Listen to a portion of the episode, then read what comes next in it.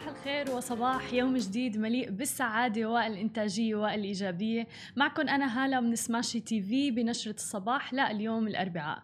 واليوم بنشرة الصباح رح نتكلم عن الأوضاع الاقتصادية في لبنان بالإضافة إلى ذلك أسعار النفط ومستجدات سوق النفط وعن مبادرة جميلة جدا في البحرين تحديدا في ظل أزمة وتداعيات فيروس كورونا. ورح نبدأ بأول خبر معنا اليوم وهو عن الحملة ضد فيسبوك. وفي خطوة تصعيد ضد فيسبوك انضمت عدد من الشركات الكبرى لحملة مقاطعة الإعلانات على منصة التواصل الاجتماعي فيسبوك ومنهم مايكروسوفت فورد وأديداس أيضا. وقالوا أنه رح يسحبوا كل أموالهم من الإعلانات على منصات التواصل الاجتماعي وتحديدا فيسبوك.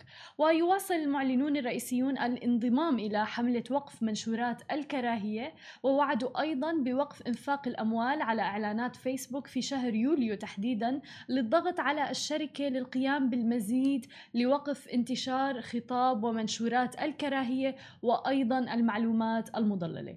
وانضمت حتى الآن 184 شركة على الأقل إلى الاحتجاج على سياسات الكراهية على فيسبوك من بينها بعض أكبر عملائها. وجمدت كل من ريبوك كلوركس الإنفاق على بعض الحالات لمدة ستة أشهر وتحديدا مثل ما حكينا على موضوع الإعلانات. مايكروسوفت علقت إعلاناتها على فيسبوك وإنستغرام أيضا في الولايات المتحدة الأمريكية في شهر مايو. ولكن الآن وسعت ذلك الإنفاق ليصل لجميع أنحاء العالم حتى شهر أغسطس. وتأتي هذه المقاطعة بعد أن دعت مجموعة من المنظمات المعلنين على فيسبوك لإيقاف إنفاقهم على منصة التواصل الاجتماعي خلال شهر يوليو.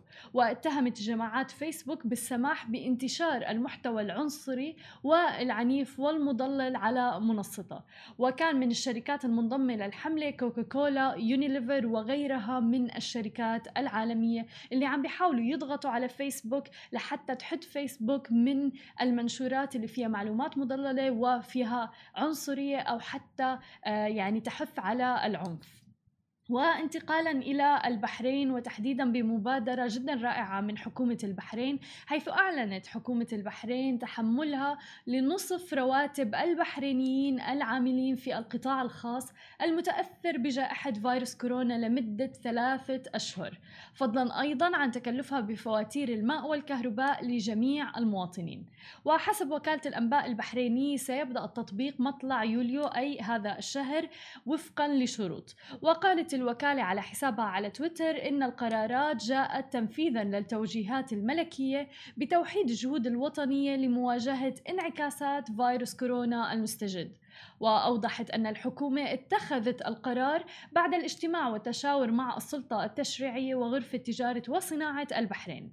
ويتضمن القرار دفع 50% من رواتب البحرينيين المؤمن عليهم في المنشآت الأكثر تأثرا في القطاع الخاص لمدة ثلاثة أشهر ابتداء من يوليو تموز 2020 وسيتم التنفيذ وفقا للشروط والضوابط التي يحددها وزير العمل والتنمية الاجتماعية بالتنسيق أيضا مع الجهات المعنية.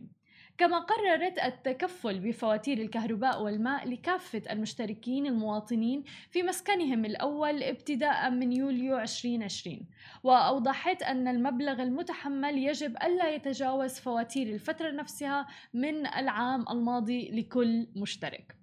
وانتقالا إلى الوضع الاقتصادي في لبنان حيث رفعت الحكومة اللبنانية يوم الثلاثاء تحديدا يوم أمس سعر ربطة الخبز المدعوم جزئيا إلى 2000 ليرة من مستواه اللي كان قبل أزمة أكتوبر البالغ 1500 ليرة وهذا أول تغيير في نوعه للسعر في ثمان أعوام. وخسرت الليرة اللبنانية المربوطة رسميا عند 1500 للدولار أكثر من 80% من قيمتها منذ أكتوبر. ويجري الآن تداولها في السوق السوداء عند حوالي 9000 للدولار بعد انخفاضات حادة في الأيام القليلة الماضية. ومنذ أكتوبر الماضي انغمس لبنان في أزمة مالية تسببت في إغلاق شركات وقفزة في الأسعار وأيضا البطالة. والأزمة هي أسوأ تهديد لاستقرار لبنان منذ الحرب الأهلية اللي عصفت بين عامي 1975 و 1990 ويبقى البلد المثقل بالديون على سعر الربط الرسمي للعملة عند 1507 تقريبا. لكن هذه الدولارات عند هذا المستوى متاحة حصريا لواردات الوقود والأدوية والقمح فقط. وبالإضافة إلى ذلك قررت قيادة الجيش اللبناني التوقف أيضا عن استخدام اللحوم في وجبات الطعام التي تقدم للعسكريين أثناء وجودهم في الخدمة. طبعا هذا من جراء ارتفاع غير مسبوق في ثمنها حيث يبلغ سعر كيلوغرام اللحم وتحديدا لحم الغنم الآن 80 ألف ليرة بعد ما كان قبل نحو شهرين 30 ألف ليرة. وارتفع ثمن كيلوغرام لحم البقر إلى 18 ألف إلى أكثر من 50 ألف ليرة. طبعا آه، عم نشوف أنه الوضع في لبنان كل ماله للأسف آه، بي آه، عم بيكون أسوأ ولكن متأملين أنه يتم في تحديد لسعر الليرة اللبنانية ويكون سهل وتوفر الدولار في الدولة ليكون سهل الوصول له من قبل آه، الأفراد الموجودين في لبنان ويتم تحديد أسعار أقل شيء السلع الأساسية اللي عم بيكون فيها ارتفاع بشكل كتير كبير وعم بيعاني العديد من الأفراد من الحصول على آه، يعني عم نشوف طوابير عند أفران الخبز لأنه الناس بتخوف أصلا أنه ينفقد الخبز من الأسواق في لبنان. وانتقالا إلى خبرنا الأخير وعن أسعار النفط حيث تراجعت أسعار النفط يوم أمس الثلاثاء وسط قلق بين المستثمرين من أن تزايد حالات الإصابة بكوفيد 19 الذي سيلحق ضررا بالطلب على الوقود. بينما قد يرتفع المعروض مع عودة محتملة للإنتاج الليبي الذي توقف تقريبا منذ بداية هذا العام. وأنهت عقود خام برنت القياسي العالمي لأقرب استحقاق جلسة التداول منخفضة حوالي 56 سنت أو 1.34%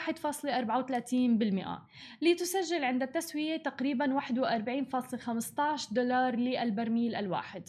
وعلى مدار الشهر قفزت عقود برنت 16.6% وتنهي عند الربع الثاني على مكاسب قدرها 81% وتراجعت أيضا عقود الخام القياسي الأمريكي غرب تكساس الوسيط 43 سنت أو 1.08% لتبلغ عند التسوية تقريبا 39.27 دولار للبرميل الواحد.